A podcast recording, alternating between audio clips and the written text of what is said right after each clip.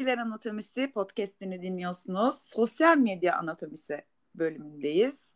Ee, konu hakkında hiçbir uzmanlığımız olmamasına rağmen atıp tutmaya devam ediyoruz. Uzun bir aradan sonra bize ne oldu Nage? Bize ne oldu? Biz öyle bir spontane sezon kapadık galiba ve yeni sezonla karşınızdayız. Ta ta ta tam.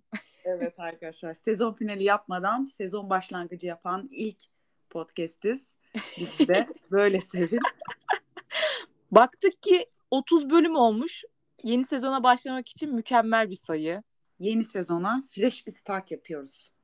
Fresh Oh, bir start yes. yapıyoruz cümlesinin yozlaşmışlığı. Evet gerçekten. Konumuza da bence uygun bir cümle kullanımı oldu. Evet, taze bir başlangıç yapıyoruz. Bugün ne konuşacağız? Bugün sosyal medya konuşacağız. Bu arada uzmanlığımız yok ama benim var sayılır aslında ya sosyal medyada. Benim işimin önemli bir kısmı bunlarla ilgili. Ben pazarlamayla uğraşıyorum. Ve hani bu konularda uzmanım diye geçiniyorum valla iş ortamlarında. Evet, ben de ezberden söyledim zaten ama e, bol bol senin uzmanlığından yararlanacağız bu bölüm zaten. E, ben uzman olmadığım için daha rahat atıp tutmayı hedefliyorum sevgili influencerlarımıza. Bu sosyal medya yani hani uzmanı olalım olmayalım yani herkesin hakkında 3-5 kelam edebileceği bir konu herhalde. O kadar hayatımızın içinde. Sosyal medya sence iyi mi kötü mü? Ne düşünüyorsun? Yani nasıl değerlendirdiğine göre muazzam değişiyor tabii ki. Ama bu karantina koşullarında açıkçası iyi ki vardı diyebilirim. Ne yapıyorduk eskiden bu kadar nasıl zaman geçiriyorduk bilmiyorum. Ha geçirdiğim zamanı kaliteli yapıyor mu sorusu geliyor bu sefer de e, ortaya ama yani bu da kimleri takip ettiğin, sosyal medyada ne yaptığınla ilişkili. Verimli zaman geçirdiğini düşünüyorsan iyi ki vardı yani. Ama bomboş takılıyorsan orada biraz zarar. Bak pandemi demişken çok taze bir araştırma okudum. Bu pandemi döneminde özellikle sosyal izolasyondan böyle kurtulmak için yalnızlığım azalsın diye aslında girme eğilimi daha fazla olmuş sosyal medyaya ve araştırma sonucunda aslında görmüşler ki bu eğilimle girip günün sonunda daha fazla yalnız hissediyorsun. Evet ya gerçekten. Instagram'da herkes mutlu bir kere. Böyle bir bug var. Müthiş hayatlar yaşıyorlar. Süper tatiller yapıyorlar ve herkes mutlu. Herkes o toksik ilişkileri yokmuşçasına nasıl böyle mıç mıç güzel. Herkesin mutlu bir ailesi var. Herkesin güzel bir bebeği var. Herkes işinde çok mutlu, çok başarılı. Ben de öyleyim ha. Benim Instagram'a bakın. ben de ben de öyle görünüyorum. Ama bu gerçek değil yani. Günün sonunda gerçek bu değil.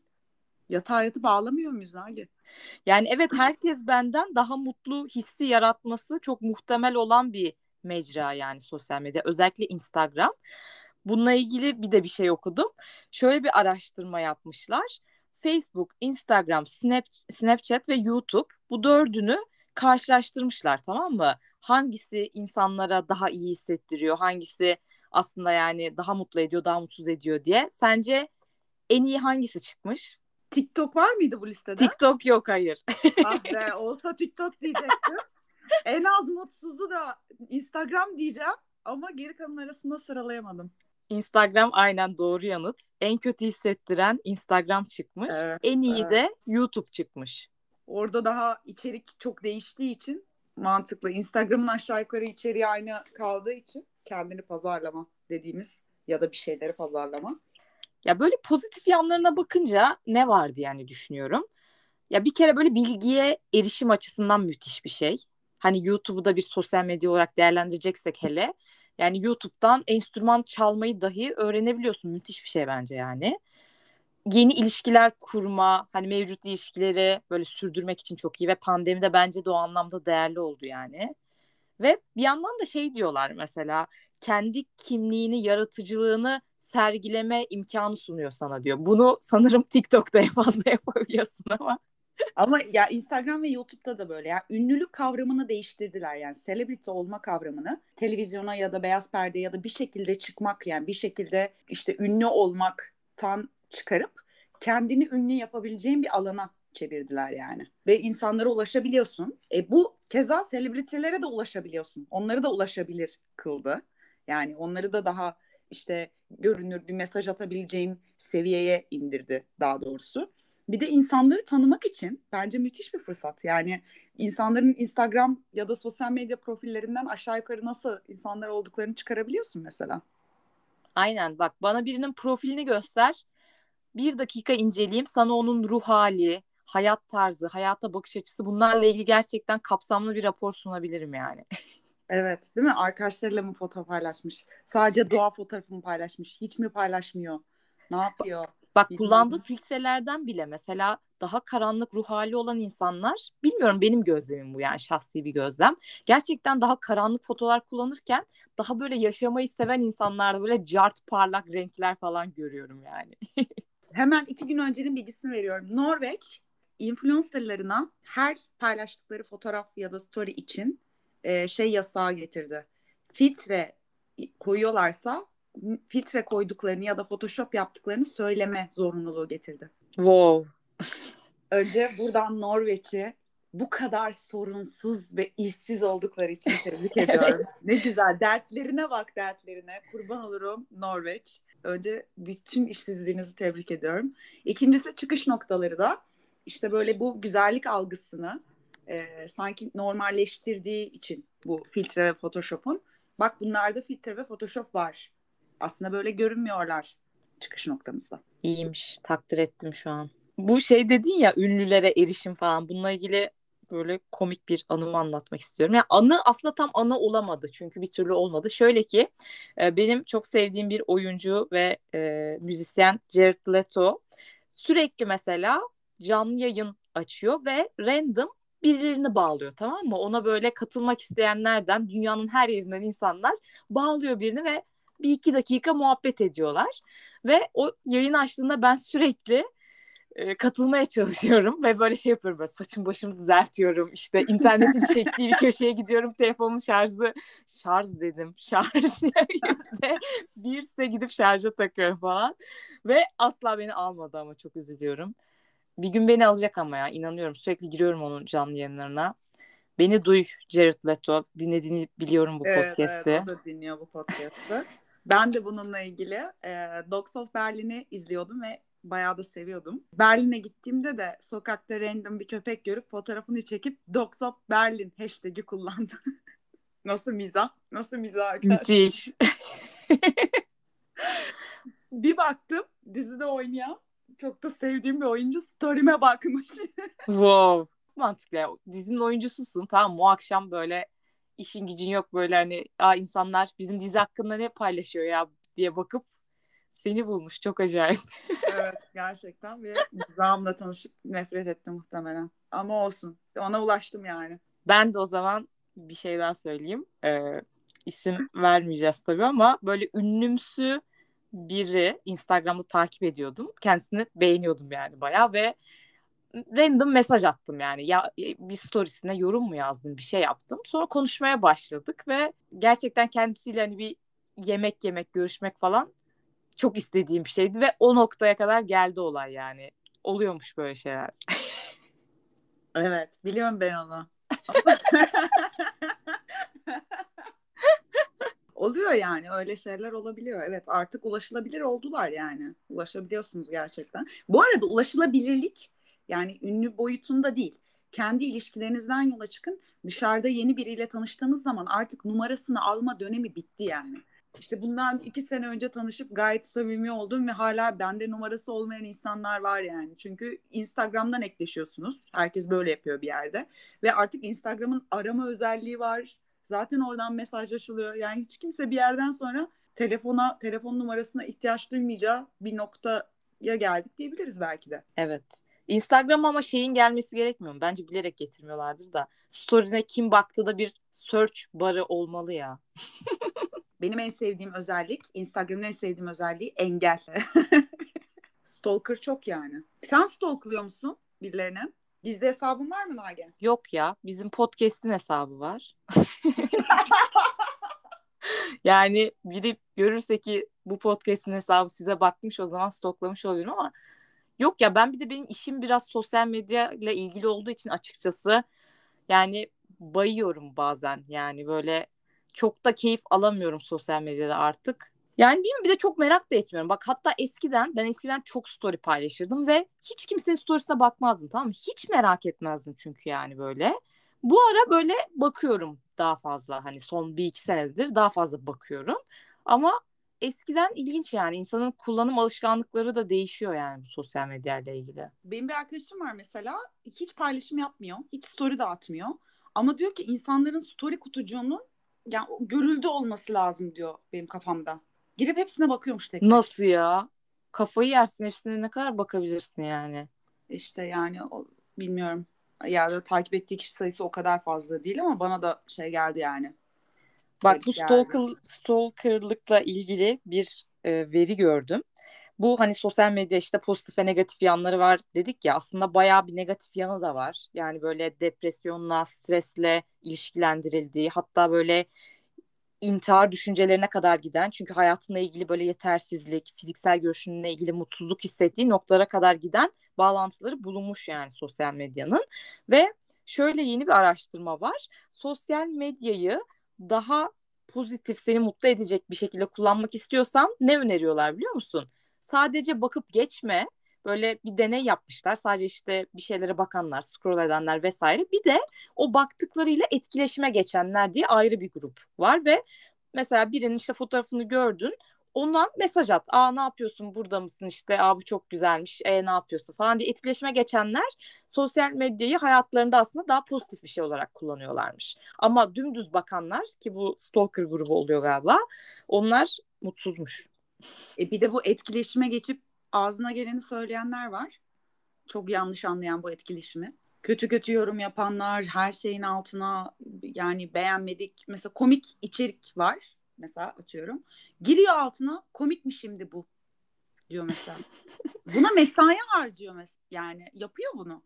Ve bu ya da birinin fotoğrafını görüyor. Güzel değilsin. Bilmem nesin. Şöyle tombişsin. Şu şöylesin. Böylesin. Oo.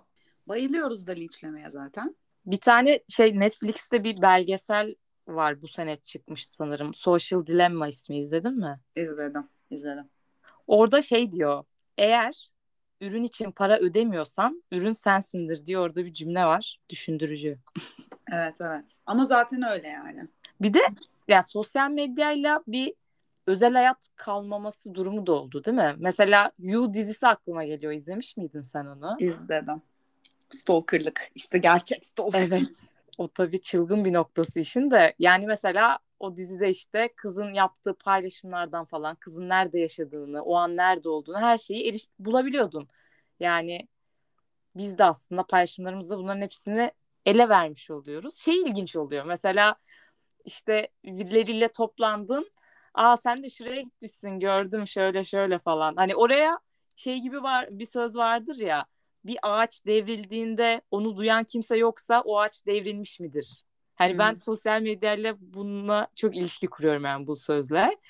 Yani sen aslında oraya bir paylaşım koymasan bilmeyecek kimse sana bunu da sormayacak bunu mu yaptın falan diye. Ya istediğin gibi aslında algı yönetmeni de sağlıyor bunu yaparak. Hani geçen bölümlerde konuşmuştuk ya hani işte çok çalışıyorum, mesaiye kalıyorum demek için işte gece yarısı aslında ofisten ya da laptop başından fotoğraf koyabilirsin mesela ve direkt bir mesaj veriyorsun bunu yaparak insanlara. Ya da işte çok zengin görünmek istiyorsun. Görünebilirsin bence çok zengin olmasan da. Biz geçen bunu şöyle konuşmuştuk aslında. Dünyanın en güzel yerine tatile gideceksin ama telefonun yanında olmayacak. Buna kaç kişi okey diyor bir yerden sonra? Paylaşamayacaksa oranın. Ya da bu çok güzel bir konsere gidiyorsun. Her herkesin elinde telefon var yani. An, anın tadını çıkarmıyor mesela. Ya da bir ünlüyü görüyor. Dışarıdan fotoğrafını çekiyor. Ya yani ünlüyle gidip çekilebilirsin. Bir anı olur yani. Yan yana bir anımız olabilir. Ama ünlünün tek başına fotoğrafı vardır zaten. Bir de sen bir daha niye çekiyorsun? Ya da Ama o senin telefonunda olacak işte. Ben gördüm. İşte ama bu ben gördüm değil olay. Bakın ben gördüm diye etrafa sunabilmek. Yani çıkış noktası bu zaten. Bizden örnek verelim. Arkadaşlar biz geçen Urla'da çok güzel bir restorana gittik. Godoman bir restorandı. Böyle, böyle bir tabaklar geldi. Ay dedik bunu bir çekelim bilmem ne yapalım. Sonra şey oldu ama. Yani ne bileyim içten içe şeyi düşündük bir yerden sonra. Ayıp mı olur acaba? Ya en azından bu tarafında kalabildiğimiz yani. Mesela sen şey demiştin ya çok güzel bir restoran. Hani ve yediklerimiz de çok güzeldi. Ya yani insanlar da burayı görsün, beğensin diye paylaşmak isterim ya. Çok iyi bir çıkış noktası. Ama kaç kişi mesela bu paylaşımı bu şekilde yapar? İşte insanlar bakın ne yedim, bakın neredeyim gibi bir noktaya çevirdiği için burada bir yanlışlık var. İnsanlar şeyi çok seviyormuş biliyor musun? İçgüdümüzde bu varmış. Böyle bir bilgiyi paylaşma ihtiyacı. Hani başkalarına faydalı olabilecek bir şey paylaşma ihtiyacı. Bu bence özellikle anne babalarımızın e, WhatsApp'tan attığı garip uzun mesajlarda bunun kanıtını görebiliriz diye düşünüyorum. Hani bir yerden bir şey duydun, gördün ya da hani güzel bir şey deneyimledin. Onu böyle bir yayma ihtiyacı insana çok iyi hissettiren bir şey bence. Bende o dürtü çok var mesela. Ya böyle şeye bakıyorum zaten. Niye sosyal medyadayız? Hani böyle temel olarak yani ben kendimi düşününce paylaşma içgüdüsü. Ben mesela seyahatlerimde deli gibi paylaşıyorum. Çünkü yani o an ve çok güzel bir şeye tanıklık ediyorum. Bunu böyle başkalarıyla da paylaşmak istiyorum. Hani e, ve çok ilginç bir şey saptadım kendimle ilgili. Ben daha mutlu olduğum, daha coşkulu olduğum zamanlarda daha çok story paylaşıyorum. İlginç. Yani daha içime kapanık, depresif olduğum zamanlarda e, daha az paylaşıyorum diyebilirim. Oo, gerçekten evet. Ben tam tersiyim. Benim temel çıkış noktam da paylaşmaktan ziyade sanırım beğenilme. Bu da benim beğenilme ihtiyacım olduğunda daha çok paylaşım yapıyorum muhtemelen. Ki insanlar etkileşime geçsin benimle. Arkadaşlar ben şu an çok yalnızım bana bir şeyler yazın demek yerine e, kendini koyuyorsun bir şey yapıyorsun insanlar sana yazıyor. Yani bu da bir çıkış yolu. Evet herkesin farklı bir kullanım tarzı var gerçekten. Sevgili dinleyicilerimiz siz ne düşünüyorsunuz? Siz ne zaman daha çok paylaşıyorsunuz. Sevgili dinleyicilerimiz siz ne zaman bizi tam olarak Instagram'dan takip edersiniz? Evet bu soruyu da sormak isteriz. Arkadaşlar anketlerimizi Instagram'dan yapıyoruz. Buradan dinleyip dinleyip kaçıyorsunuz ha. Bir de aslında hani neden sosyal medyadayız sorusunun cevaplarından biri de bence eğlenme ihtiyacı. Yani aslında şimdi ben düşünüyorum hangi kendi arkadaşım olmayan başka hangi hesapları takip ediyorum diye bakınca beni böyle daha eğlendiren hesapları takip ettiğimi fark ettim. Mesela işte Deep Turkish Web'i ben bayağı severim. Onları takip ediyorum. İşte Cezmi Kalorifer, Nine Gag, işte ne bileyim beni güldüren ya, hesapları takip ettiğimi fark ettim. Bir de mesela seyahatle ilgili hesapları seviyorum. Onları takip ediyorum.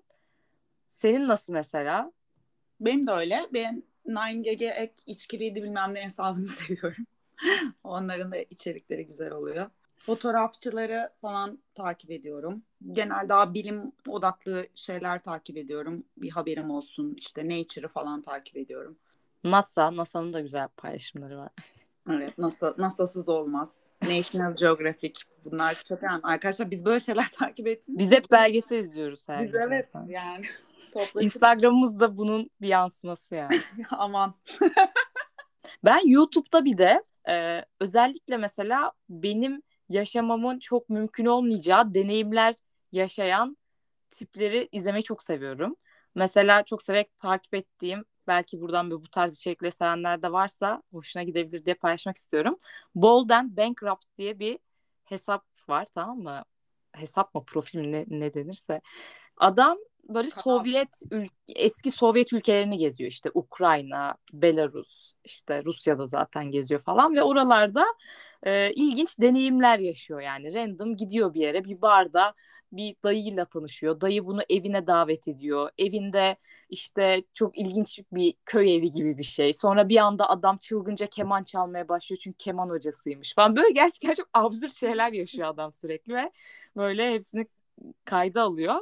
Hani bu tarz böyle ilginç deneyimlerin kaydedildiği içerikler benim çok hoşuma gidiyor. Sana o zaman bu işin içinde olan biri olarak influencerların kazandığı paralardan azıcık örnekler vereyim mi? Hadi ver bakalım. Ya mesela 3 milyon takipçili bir kadın influencer.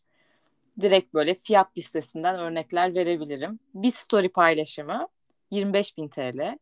Bir post paylaşımı 40 bin TL. Bir de postu siliyor sonra böyle bir hafta falan kalıyor. Markalı post kalmasını sabit olarak profillerinde istemiyorlar çoğunlukla. Hele böyle çok yüksek takipçi ise 1 milyon üzerindeki işte makro influencer dediğimiz kitledense. Bir tane canlı yayına katılma 30 bin TL. YouTube e, YouTube'da da eğer yani Instagram'da bir milyonun üzerinde takipçisi varsa genelde YouTube'da da belli bir kitlesi oluyor. YouTube'da da mesela bir dakikalık senin markana, mesajına yer verdiği bir e, kısım yapması da 60 bin TL gibi mesela bir örnek paylaşabilirim. Sessizlik oldu. Ama onların da işi zor ya. Influencerlık kolay değil. Ay kusura bakma Nagi cevap verememişim. Ee, şey almaya gittim, tripod almaya gittim fotoğraf çekimleri için. Haftaya influencerlık 101. Nasıl influencer olunur ya? Bence başlayalım bir yerden influencer olalım. Bu nedir ya?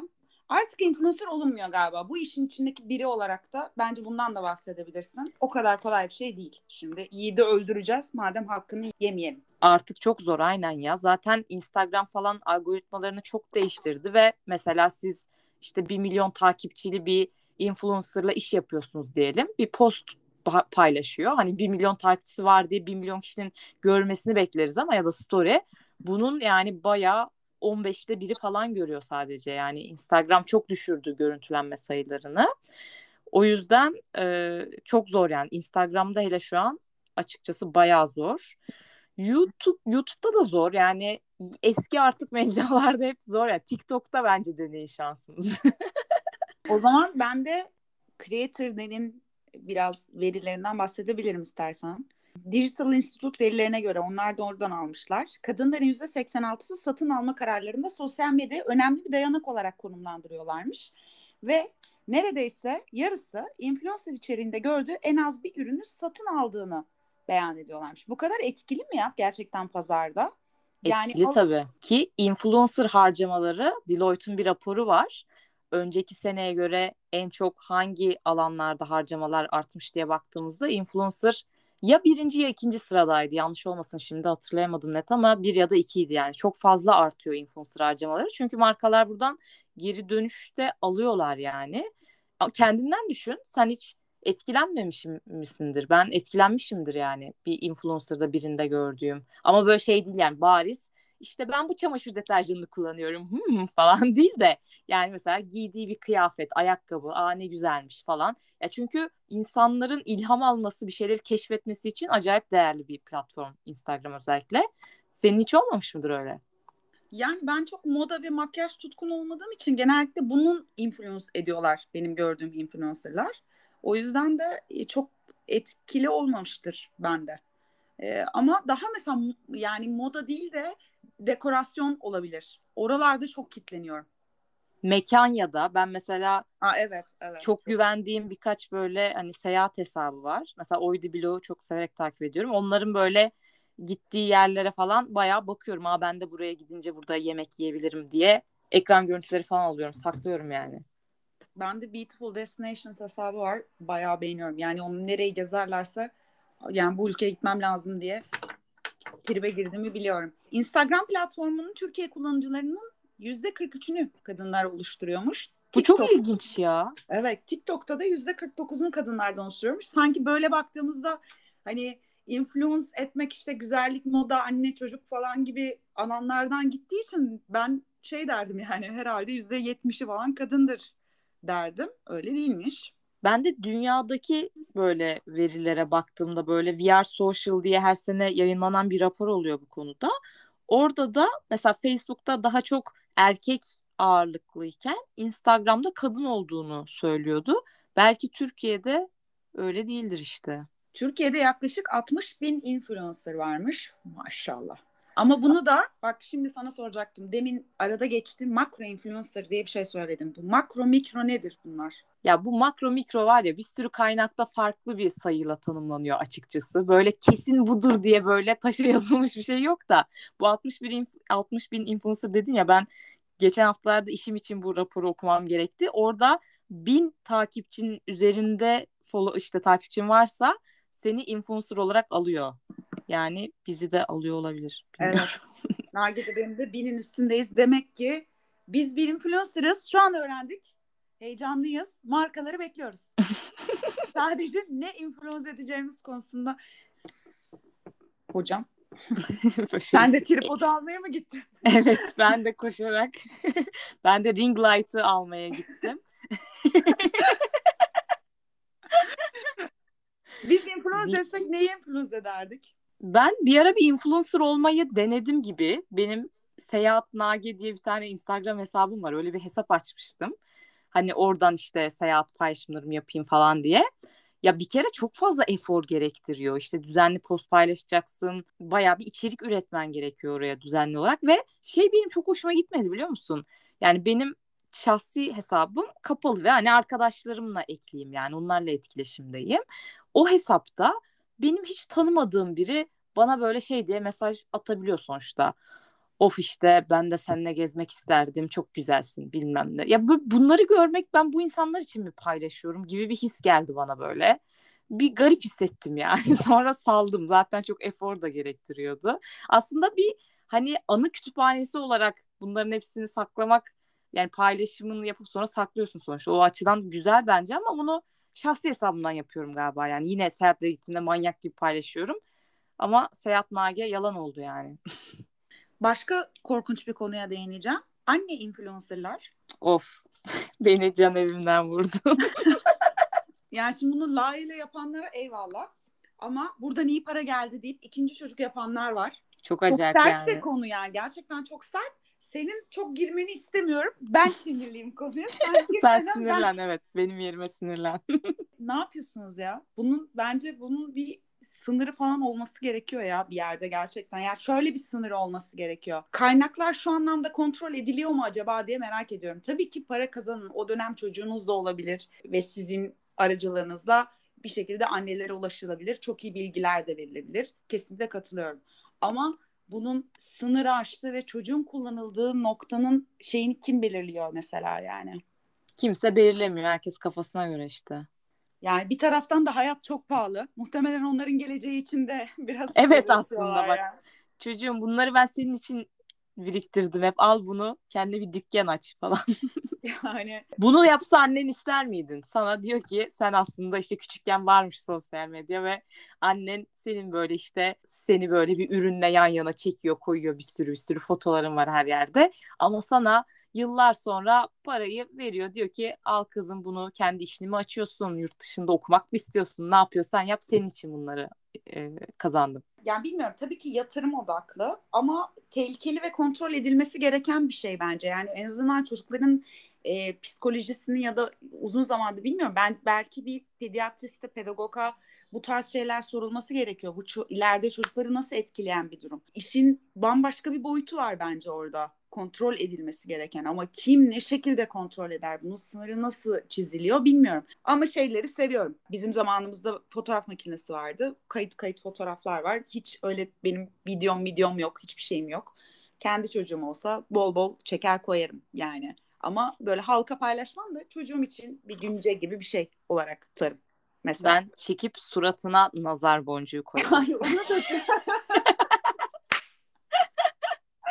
o nazar boncuklu anneler de kırkı geçtikten sonra e, hemen yanına bebek bezi koyuyor yani. O yüzden çok gerçekçi değilsiniz ama hadi kabul ettik.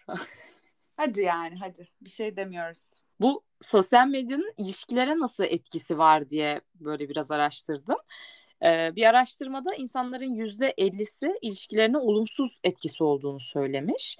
Bir de bak şöyle çok enteresan bir araştırmayla karşılaştım. Şeylere bakmışlar böyle ve çiftlere şeyi sormuşlar yani siz çift olarak aşağıdakilerden birini seçin mutluluk seviyeniz için demişler ve yanıtlar şöyle çok mutlu, mutlu, mutsuz, çok mutsuz tamam mı? Bunlardan birini seçiyor çift ve daha sonra bu çiftlerin çift olarak böyle hani ilişkileriyle ilgili sosyal medyada paylaşım sıklığını da topluyorlar bu çiftlerden. Ve ne çıkıyor sence? En çok paylaşanlar en toksik ilişki sahipleri. Aynen öyle. Hani burada çok mutlu e, grubundakiler paylaşma miktarı en az olan grup olarak çıkıyor öne. Yani çift olarak paylaşım hani bu ilişkilerini paylaşmak yani şahsi değil de. Bilmiyorum ya. Ben bu hataya çok düşüyorum bu arada. Çok paylaşan biri değilim. İlişkimde fotoğraf bu arada. Ama e, ayrıldığımda koşarak fotoğrafları sildiğim için çok stratejik bir hata gibi görüyorum. Ha. yani böyle her en iyisi hiç koymayacaksın işte falan. Evet her küstüğünde anlaşılıyor ya. Ünlüler çok düşüyorlar buna yani. E, ne fotoğrafı silmen gerekiyor. E, sildiğin gibi haber değeri taşıyorsun yani orada. Ya bu dev ünlüler de bunu yapıyor ya ne bileyim Jennifer Lopez işte şunu silmiş bunu yapmış var. E, hepimizin yaptığı şeyler aynı aslında gerçekten. E tabii en nihayetinde herkes insan yani. Koşarak onu takipten çıkıyor işte. Ne yapıyor? Hemen anlıyorsun o zaman yani. şey e, sevgili Hakan Altun e, uzun zaman sonra telefonun başında beklemekten sıkılıp sevgili edindiğinde e, herkesi takipten çıkıp bir tek sevgisini ekliyor. Bir hafta Wow. sonra da ayrılıyorlar. Onu da Of çıkarıyor. rezalet. Ve bomboş kalıyor hesabı ya kıyamam. Rezalet. Ama ne mantıksız bir hareket bu ya. Sevgili Hakan Altun. Senden beklemezdik böyle hareket. Hakan Altun sosyal medyayı bırak telefona devam. Aynen. Arkadaşlar biz büyütüyoruz işleri. Bir sonraki bölümün konuğu Hakan Altun. Of, olsa çok güzel olurdu ya. Ama ne yapacağız işte. O da benim Dogs of Berlin şakam gibi Hakan Altun'a telefon soramayız. Bak bu arada biz artık hani Facebook öldü falan kullanmıyoruz ya yani bizim yaş grubunda. Evet. Dünyada böyle total hani verilere baktığımızda tüm ülkelere en fazla kullanılan şu an Facebook hala biliyor musun? Dünyada 2.7 milyar Facebook kullanıcısı varmış. Ardından da 2.3 milyarla YouTube geliyor. Ardından bir sosyal medya mıdır bilmiyorum ama Facebook Messenger geliyor. Sonra Instagram geliyor. Instagram 1.2 milyar kullanıcısı var. Facebook'un 2.7 milyar. Yani daha bayağı yolu var yani Instagram'ın. Bundan sonra TikTok geliyor. TikTok'ta 689 milyon. Acayip hızlı artıyor zaten.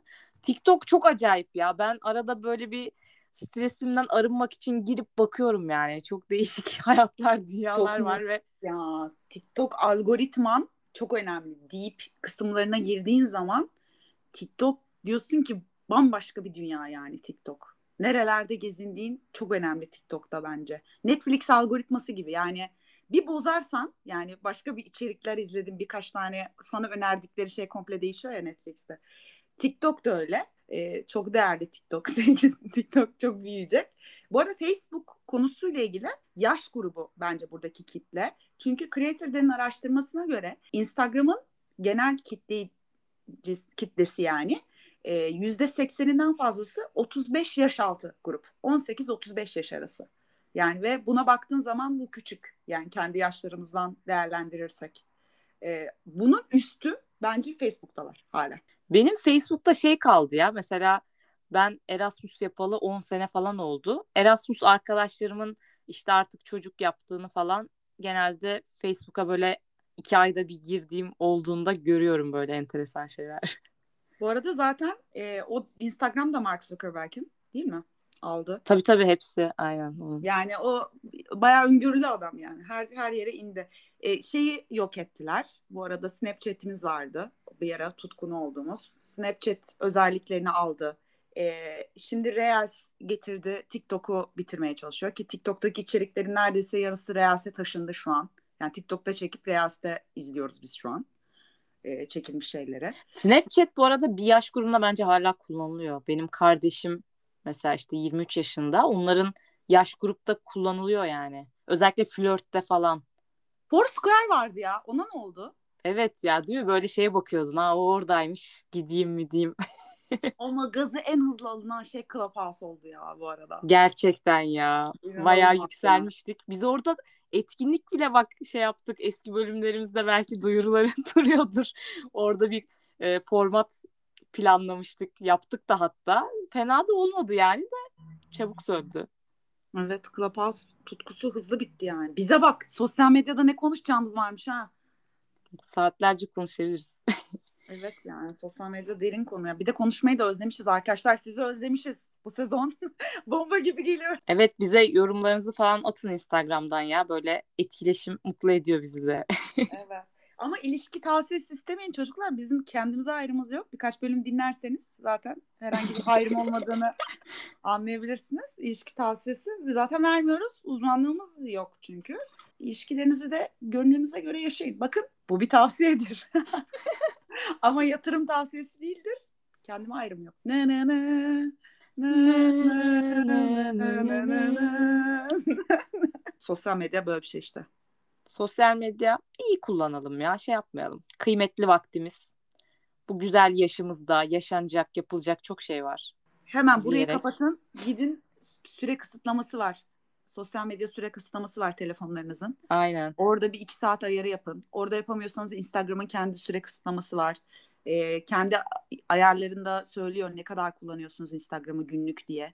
Ee, orada bir baktınız 5 saat falan görüyorsunuz. Gerçekten öyle bir hayatınız olmasın. 5 saat ne işiniz var Instagram'da? Gidin onu da bir 2 saat kısıtlaması getirin. Ee, öyle İki bile mı- çok olabilir belki. En yani- kısıtlama yani hani giremesinler diye. Çünkü hepimiz bazen şeyden dert yanıyoruz ya hani şunu yapacağım vakit yok buna zaman bulamıyorum falan filan. Aslında bu zamanları toplayınca bayağı bir zaman ediyor yani. Ama şey de demiyoruz ha. Bu sürede dil öğrenebilirsiniz. bu sürede yazılım öğrenin çocuklar. Falan. bize reklam verseydi derdik. Evet. Cambly bir bize vermedin ha Cambly.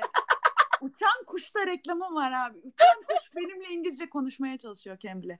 Sana yazıklar olsun. Belli ki sen mikro makro hiç bakmıyorsun. Dağıtıyorsun. Bir Cambly'e giydirmemiştik evet. Yani bak Cambly bir, yemek sepeti iki. Hepsi burada bir de ne Trendyol. Oy senin Trendyol kaydırmaların. Oy seni kaydırmaların bitmesin inşallah sen. Ne kaydırdın herkese link link link. Trendyol nasıl çalışıyor ya? Linkten alışveriş yapana şey mi veriyor? Acaba? Ya genelde yüzde falan verdiği bir modeli oluyor evet. Yani sen ne kadar satış yaptırırsan aslında ona bağlı olarak para kazandığın affiliate marketing denen bir model kullanıyor genelde. Bizim Instagram hesabına girin. Orada şey Temmuz ayı linki var. Ne var orada Temmuz ayı linkinde? ne bileyim anket manket koyarız. Kafa karıştı. bir tane şey vardı. Rob de Chamber beğendim geçen bir tane onu koydum. bir tane şey TikTok'ta şey vardı. Bak Allah TikTok'u anlatacağım şimdi bak ne kadar başarılı olabileceğim bilmiyorum da. Altta linki bırakıyorum. Kaydırıp alabilirsiniz diyor. Aşağıda içecek link var ya. Onu koymuş. Duran ay çok komik of inanamıyorum. çok iyiymiş yalnız bu ya. İşte yaratıcılık budur ya. bunu bunu koyacağız hesaba. Bunu Temmuz ayı linkine bu TikTok'u koyacağız arkadaşlar. Gidin ona bakın. Çok iyiymiş. O zaman O zaman hoşçakalın. görüşmek üzere. Hoşçakalın. Bay bay. Bye.